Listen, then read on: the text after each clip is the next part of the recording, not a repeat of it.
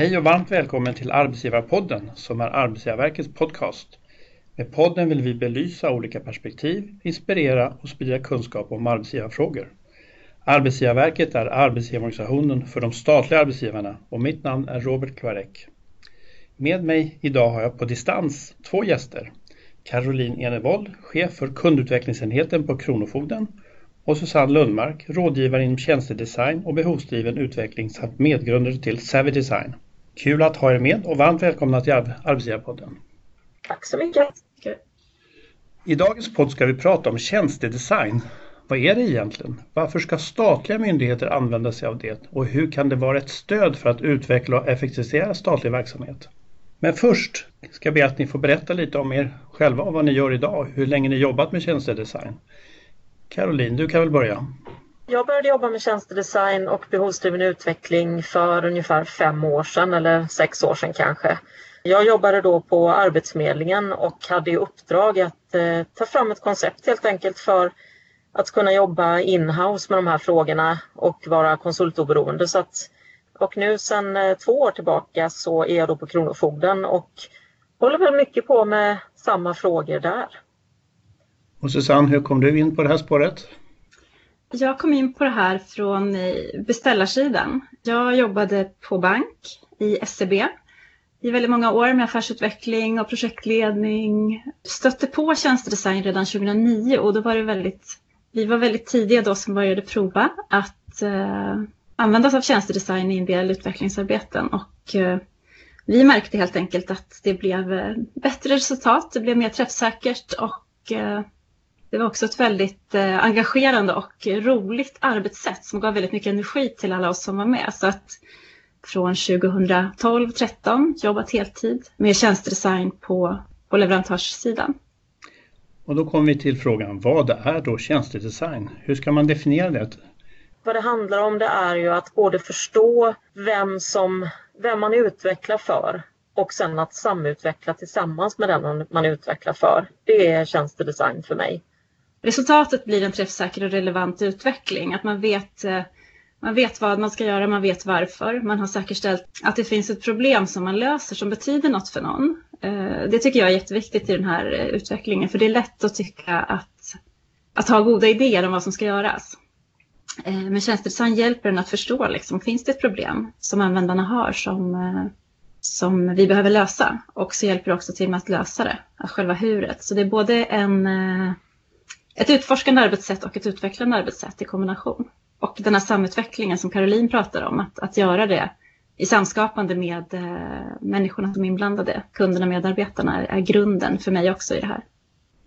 Som jag hör er beskriva det så är, skulle inte tjänstedesign vara en metod utan då mer ett förhållningssätt. Är det viktigt att komma ihåg? Ja, verkligen. Eh, och det tycker jag när man har jobbat med det ett tag. Först är det lätt att se det här som kanske metoder och så vidare men eh, det är nästan omöjligt att jobba med tjänstedesign utan att också gå in i förhållningssättet. För mig var det som att när man väl hade börjat med det då har man öppnat en dörr i huvudet som inte går att stänga sen. Mm. Det blir väldigt naturligt att tänka utifrån de man utvecklar för och ihop med och som, som du var inne på Susanne också att man, att man verkligen tittar på helheten med både den som använder en tjänst till exempel men också den som levererar. Det ska funka. Helheten ska funka. Om ni skulle sälja in tjänstedesign med en kort och koncis formulering, hur skulle ni säga då? En sån kallad hisspitch. Tjänstedesignen eh, hjälper till att eh, eh, skapa värde för människorna som ska använda tjänsten och det är också ett väldigt resurseffektivt sätt att arbeta för organisationer som ska leverera. Hur skulle du beskriva Caroline? Jag är inne på samma spår. Jag skulle säga att vill man i ett och samma sammanhang skapa både kund-, samhälls och medarbetarnytta, då är tjänstedesign rätt väg att gå. Tjänstedesign eller servicedesign som det tydligen ibland kallas är ju något som man hört talas om mer och mer. Tidigare så var det kanske mest inom den privata sektorn. Men det är också många statliga verksamheter som jobbar utifrån detta. Vad säger du Susanne, är det din uppfattning också? Har det blivit en sån utveckling även mot statliga myndigheter? En del statliga myndigheter har ju gjort det här länge. Jag vet att Försäkringskassan var ju bland annat väldigt tidiga. Skatteverket har ju varit väldigt framgångsrika väldigt tidigt och hållit på länge. Så vissa har ju verkligen kommit långt och har stor vana av att jobba med tjänstedesign. Sen så tycker jag det ser ut som att man har tagit det i olika steg. Det är min erfarenhet. Vissa har verkligen gjort stora ansträngningar, jobbat mycket strukturerat och uthålligt med tjänstedesign. Andra myndigheter har, har kanske provat på eh, men inte riktigt eh, kanske sett effekt av det och då kanske växlat över till något annat arbetssätt. För där finns det ju en risk med alla de här arbetssätten, tänker jag, som blir lite så populära som begrepp och att alla ska ägna sig åt det på mm. något sätt utan att kanske fundera på varför och vad man vill åstadkomma. Men visst, det har blivit väldigt mycket vanligare. Och vad säger du Caroline om det som, som också har jobbat i Nora? Jag kan ju definitivt se att det har blivit vanligare. Vi har lite olika angreppssätt i olika myndigheter och väldigt många har ju tagit hjälp av konsultfirmor för att göra kundresor och så vidare och det kan ju vara en inkörsport att börja jobba med tjänstedesign och behovsdrivet arbete själva. Har man bara gjort de här initiativen där man, där man vill göra ett insiktsarbete, man vill skapa, skaffa sig kunskap och så, då kanske man inte kommer så mycket längre utan det är viktigt att ta det vidare och fortsätta jobba med samma förhållningssätt i utvecklingen. Och det är väl de organisationer och myndigheter som har lyckats med det som också fortsätter att hålla i. Och ni gör ju det nu på Kronofogden och hur, varför gör ni det? Vad är mervärdet för er? Ja, dels så har vi en väldigt uttalad strategi att vi ska ha kundernas fokus och det vi går ju från en eh, roll som en ganska fruktad myndighet, den fruktade fogden, eh, som vi behöver komma ifrån till att uppleva som mera serviceinriktade och att vi är till för, för dem vi jobbar med. Sen kanske det är svårt ibland att se sig som kund om man har en, en skuld hos oss. Där finns det ju också erfarenhet eh, från bland annat våran rikskronofogde sedan tidigare att jobba med de här frågorna så att vi har ju också ett väldigt starkt stöd i, i vår ledningsgrupp. Eh, och det skulle jag säga, det är ju en av utgångs, alltså de viktigaste utgångspunkterna för att kunna lyckas med att jobba med de här frågorna i en organisation. Men hur, hur pass viktigt är det att få den här externa inputen? Alltså är det ett sorts gemensamt förhållningssätt? Samtidigt måste ju varje verksamhet ha sina specifika faktorer för sitt förhållningssätt i sammanhanget. Ja, jag tänker jag som har jobbat i egentligen hela mitt yrkesverksamma liv inom statliga myndigheter. Jag kan ju se att vi är väldigt snabba på att hitta lösningar utifrån våra egna erfarenheter och det, det stämmer inte alltid med vad våra användare eller kunder faktiskt har behov av. Då måste man vända sig utåt. Vi kan ha jättebra idéer och förslag på lösningar men jag har sett alldeles för många exempel på när vi utvecklar utifrån ett internt perspektiv och kanske till och med ett huvudkontorsperspektiv så att det inte ens funkar för vår egen organisation, än mindre för kunderna nu kommer ju jag och mina kollegor, vi kommer ju liksom med det här utifrån perspektivet också eh, till alla våra uppdragsgivare oavsett om det är offentlig sektor eller privat näringsliv. Det finns ju flera värden i det där. det ena är ju att man kommer på något sätt med mm, ett mer oskrivet papper såklart när man kommer utifrån och man kan titta på saker mer objektivt. Eh, det andra är ju, tycker jag, som är väldigt värdefullt, det är ju att man kan komma och erbjuda en en strukturerad arbetsprocess för att få igång eh, en effektivitet i ett tjänstedesignarbete från början. För det, det krävs, eh, det är lite hantverksbetonat tycker jag, om det ska bli väl utfört och om man ska komma åt de här djupare insikterna och kunna förstå saker på nya sätt. Då måste det få, få ta tid och man måste få göra det ordentligt och det, eh, det kräver ju ett eh, fint samarbete tycker jag, självklart, mellan det här utifrån eh, oss som kommer utifrån och organisationen på insidan. Det är ju inte så att man kan komma utifrån och göra ett tjänstedesignarbete som blir bra och sen gå därifrån, utan det, det handlar ju om att, att samarbeta med den verksamhet man är hos och ska hjälpa. Eh, och att den här gemensamma kunskapen, det är det som gör att det blir riktigt bra.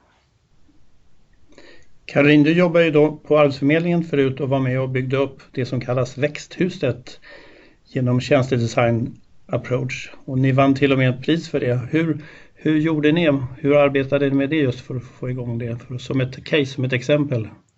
Om det är någonting jag tar med mig från mitt arbetsliv hittills så är det ju det arbetet. Det var fantastiskt roligt eh, och där började vi med konsultstöd för att lära oss och få hjälp i hur kan man jobba med tjänstedesign? Hur gör man? Vi hade ingen kompetens kring detta inhouse. Däremot så var det vi själva som gjorde jobbet så att säga. Så att vi hade konsultstöd som, alltså för att bli coachade och lära oss helt enkelt. Och sen byggde vi mer eller mindre från ett blankt papper. Eh, och principerna för oss var ju väldigt mycket att det skulle vara delaktighet, transparens, kunden i fokus naturligtvis och att faktiskt ha med kunden hela vägen. Men också att medarbetarna skulle vara involverade så att vi skapade lösningar som både funkade för den externa användaren så att säga men också medarbetarna som skulle leverera. Jag kan ju se om man tittar på Arbetsförmedlingen idag, man har ju fortfarande väldigt, väldigt lång väg att gå. Men det som var väldigt spännande med hela det arbetet var att vi fick, vi fick en enorm förändring i förhållningssätt internt. Mm. Och det finns ju fortfarande kvar. Sen är det en myndighet med många utmaningar naturligtvis. Men eh, det har skett en stor förändring. Susanne, vad säger du? Är tjänstedesign något som alla yrkesroller och verksamheter kan använda sig av? Kan det användas överallt eller finns det några specifika krav som man bör fånga upp? Eller som behövs för att det ska vara relevant? Det jag tycker behöver finnas på plats, det är dels att det behöver finnas ett stöd från, från en ledning. Det gör det ju inte alltid, tänker jag. Det finns ju, det finns ju personer i organisationer som själva kan tycka att det här är en god idé och vi ska testa ett nytt arbetssätt och så vidare. Men vill man verkligen nå effekt, då skulle jag säga att, att då behöver man ha en förankring i sin ledning. Så det är ju en förutsättning på något sätt. Och sen tycker jag också att det handlar väldigt mycket om förmågor som man måste plocka fram och eh, då är nyfikenhet till exempel en sån. För det är lätt att prata liksom kompetenser tänker jag när man pratar om det här, att man ska kunna använda designmetodik eller analys eller så. Det finns massa, massa moment som man ska ta sig igenom. Men så här, en grundläggande nyfikenhet och en förmåga att lyssna på det, det man lär sig. Om man till exempel intervjuar kunder, medarbetare för att förstå saker ordentligt. Och man måste också vara intresserad av att, att förstå problemen som ska lösas, att inte vara för lösningsfokuserad. Eh, för snabbt skulle jag säga. Och det där kanske det pratas lite för lite om. Det är väldigt lätt att bli lösningsfokuserad för man ska ju åstadkomma något. Ofta vet man också vad man vill åstadkomma såklart när man startar någonting. Men att, att vara beredd liksom att, att ha siktet inställt på något men också vara beredd att eh, så här, kalibrera om längs vägen när man lär sig saker. Det är otroligt viktigt om det ska ha någon effekt.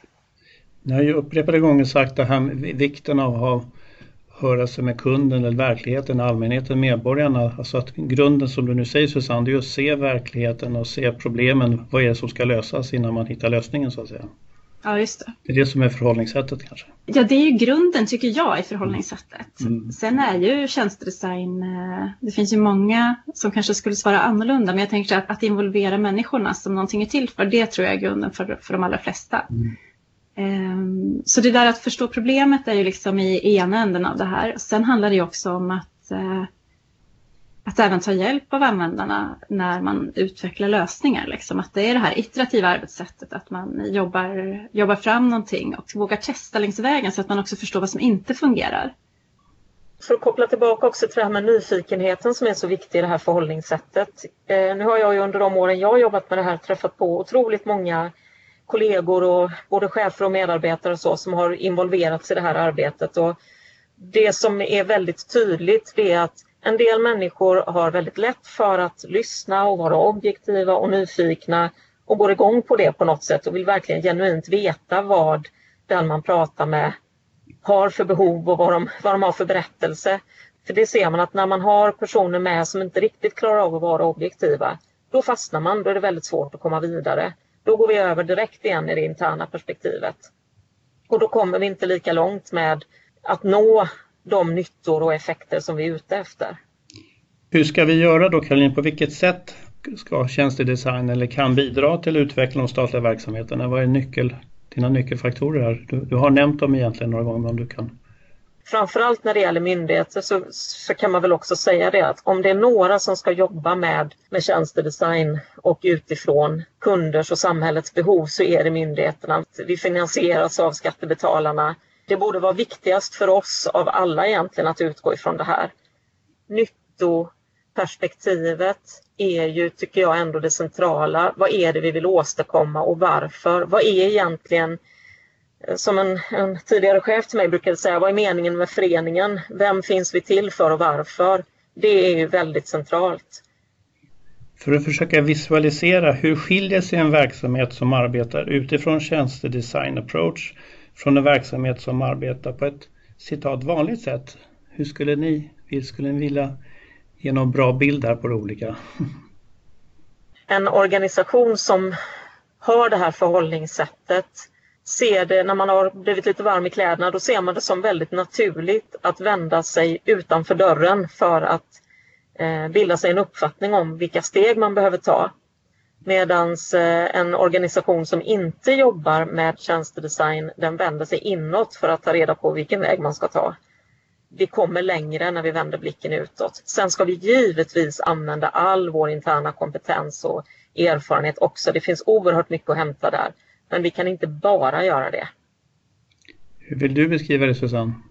Jag håller med om den där beskrivningen. Sen tycker jag också att eh, det finns en framdrift i, eh, i ett sånt här tjänstedesignarbete som är strukturerat med, eh, eh, ja, men med sina steg och sina moment, eh, sitt testande framåt och så vidare. Där man, eh, om man involverar medarbetarna i en tjänsteutveckling till exempel, så finns det en framdrift som jag tycker att jag ser kan vara ganska snabb. Vi hör ofta från våra uppdragsgivare att oj vad mycket vi kunde göra på ganska kort tid.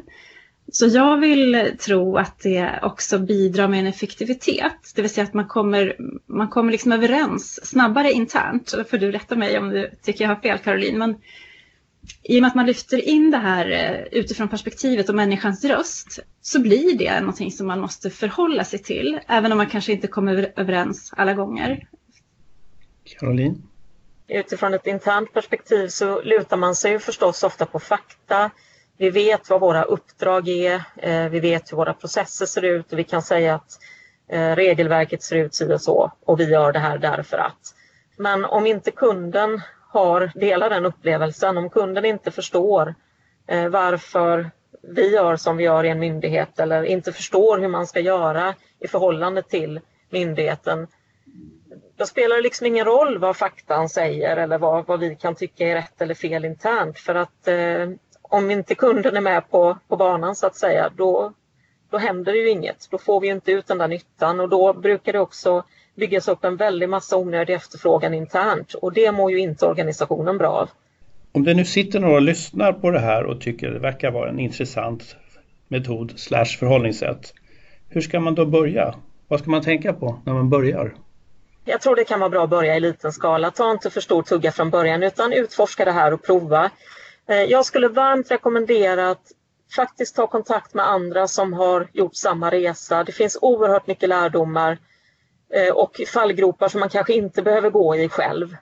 Var med i nätverk, prata med kollegor på andra myndigheter, ta hjälp av konsulter om ni känner att ni behöver stöd där. Det är jättebra också för att bygga upp en förståelse och kompetens. Man kan behöva stöd i början på olika sätt.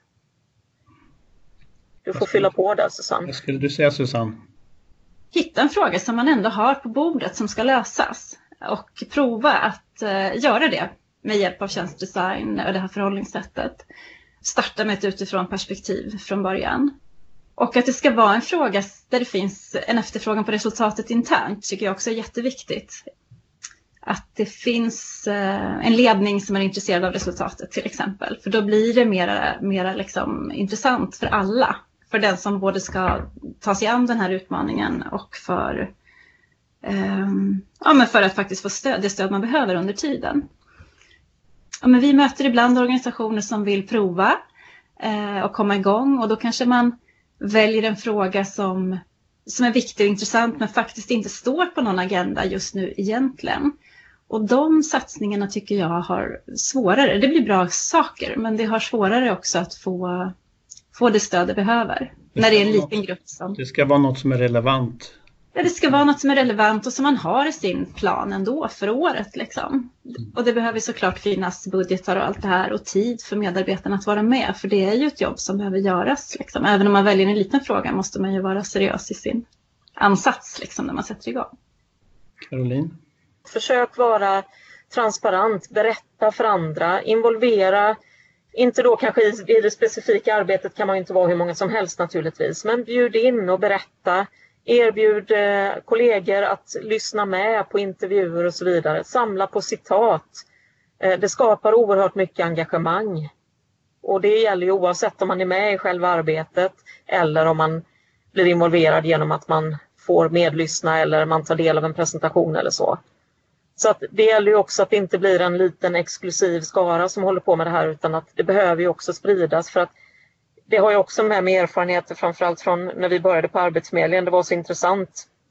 Vi tog fram ett, ett bokningssystem för arbetssökande med tillhörande arbetssätt och vi hade väldigt mycket vi hade samutvecklat otroligt mycket med både kunder och medarbetare. När vi satte det där i sjön så hade vi några kontor som, eh, som inte använde bokningssystemet riktigt. De, eh, de hade inte riktigt förstått vad det var vi skulle uppnå med det där så att de fortsatte att styra kunderna.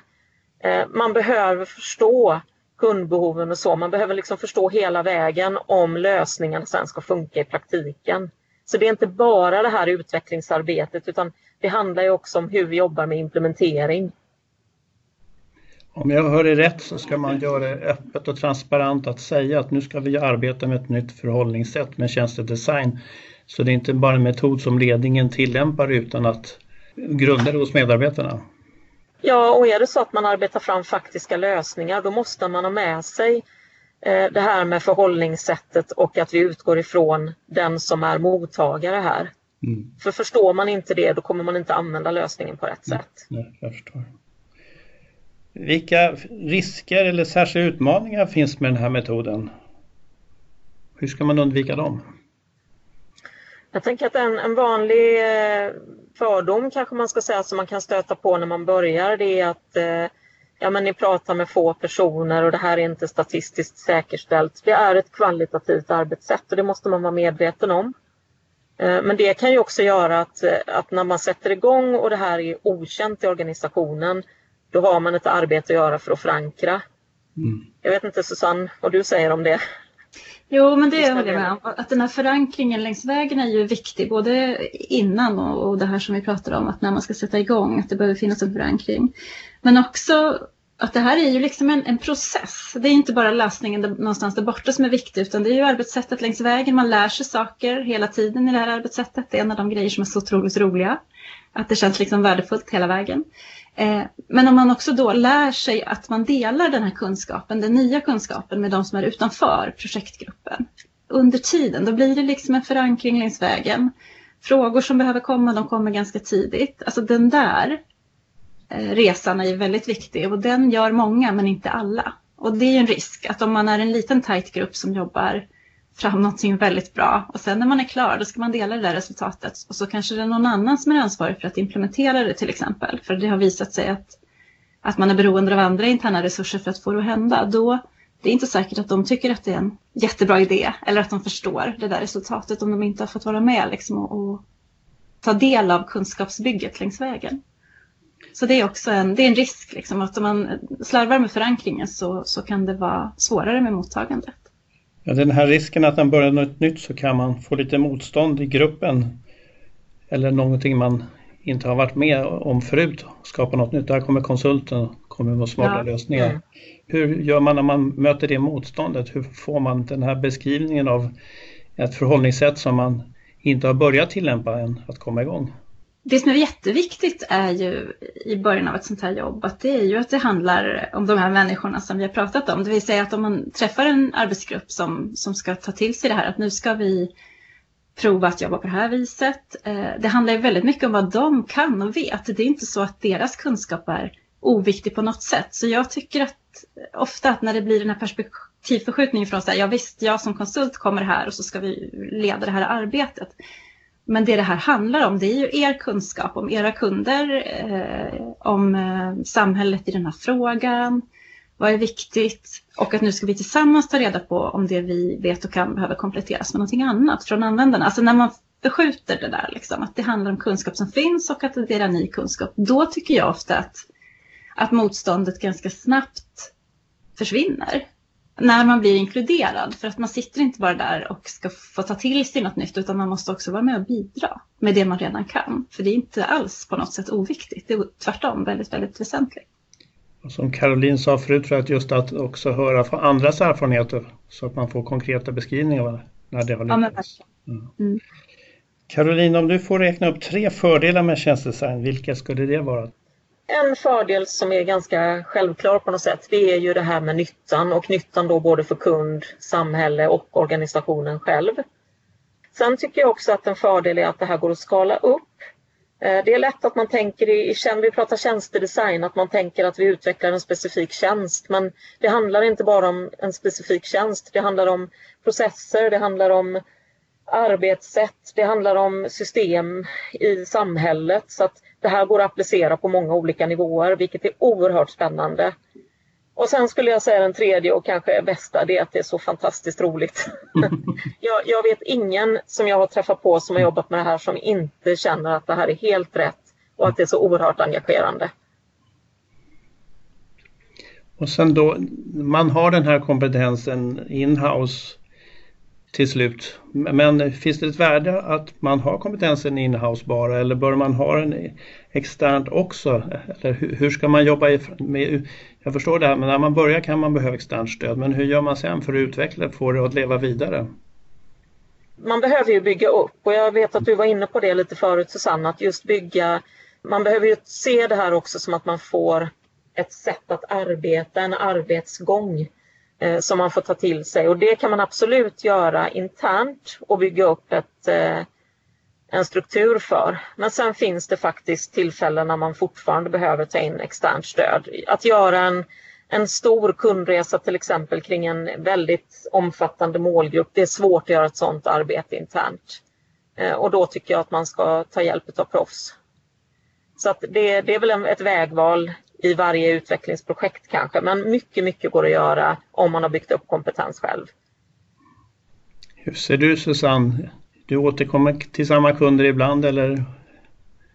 Vi jobbar ju både med de här projekten som Caroline beskriver, liksom, när man behöver ta ett större tag om en specifik fråga och när det behöver vara ett gäng som kan koncentrera sig på den och komma framåt under relativt kort tid, liksom, som kan driva ett sådant arbete. Då gör vi det ofta. Sen finns det olika grader av liksom fortsatt involvering av, för oss med den här utifrån eh, kunskapen också. Allt ifrån att man kan vara med och stötta efter ett sådant projektarbete har genomförts och säkerställa att den här kundinsikterna, kundkunskapen verkligen kommer, kommer väl till sin rätt och inte urvattnas längs vägen till exempel. Vi är också gärna med och hjälper till att bygga upp den här interna kompetensen, det vill säga att eh, dela vad vi kan, lära ut och eh, finnas liksom till hands som någon slags coach längs vägen eller rådgivare eh, där det behövs. Och då kan ju det vara väldigt lågintensivt över vissa perioder och mer intensivt i andra. Så det finns väldigt många olika sätt man kan komma in, tycker jag, och skapa värde utifrån i det här. Ja, jag håller verkligen med. Och det, man kan tycka att det är mycket självklara saker och metoderna man använder är ganska enkla om man, om man liksom tittar på hur de utifrån på dem. Men att göra detta, det är inte alltid så enkelt och det är lätt att falla i fällan att bli lägga på sina egna raster eller falla i internfällan, att man tänker på det interna perspektivet och så. så att man behöver ju hjälp och det kan man hjälpas åt med både internt men ibland behöver man också ha det stödet externt ifrån och det är oerhört värdefullt att få. Det börjar bli dags att avrunda. Vi har idag pratat om tjänstedesign. Vi har fått veta vad det är och hur vi kan använda det i våra egna verksamheter. Stort tack Caroline och Susanne för att ni ville vara med i podden idag och dela med er av era kunskap, tankar, erfarenheter. Men innan jag släpper iväg er båda skulle jag vilja ställa en sista fråga, nämligen en sak du vill att vi tar med oss. Det kan vara något du redan sagt eller vill förstärka ytterligare eller något helt nytt. Vad säger du Susanne? Vad vill du att vi som lyssnat ska ta med oss? värdet av att eh, här, lösa, lösa rätt problem, att inte springa för snabbt på lösning tänker jag. Och det handlar väl om tjänstedesign eller inte, men att, att verkligen säkerställa att man lägger all utvecklingstid på saker som spelar roll för någon annan liksom, som ska använda det. Det tänker jag är grunden för väldigt mycket. Liksom. Det handlar både om effektivitet och relevans. Och i slutändan värde för, för människan. Och vad säger du Caroline, vad vill du att vi tar med oss? Ja, jag tänker väl kanske lite grann återigen på det här med att statliga organisationer, vi är till för det samhälle vi lever i. Eh, det är inte samhället som är till för oss och eh, ska vi leverera rätt saker då måste vi ta hänsyn till dem vi är till för.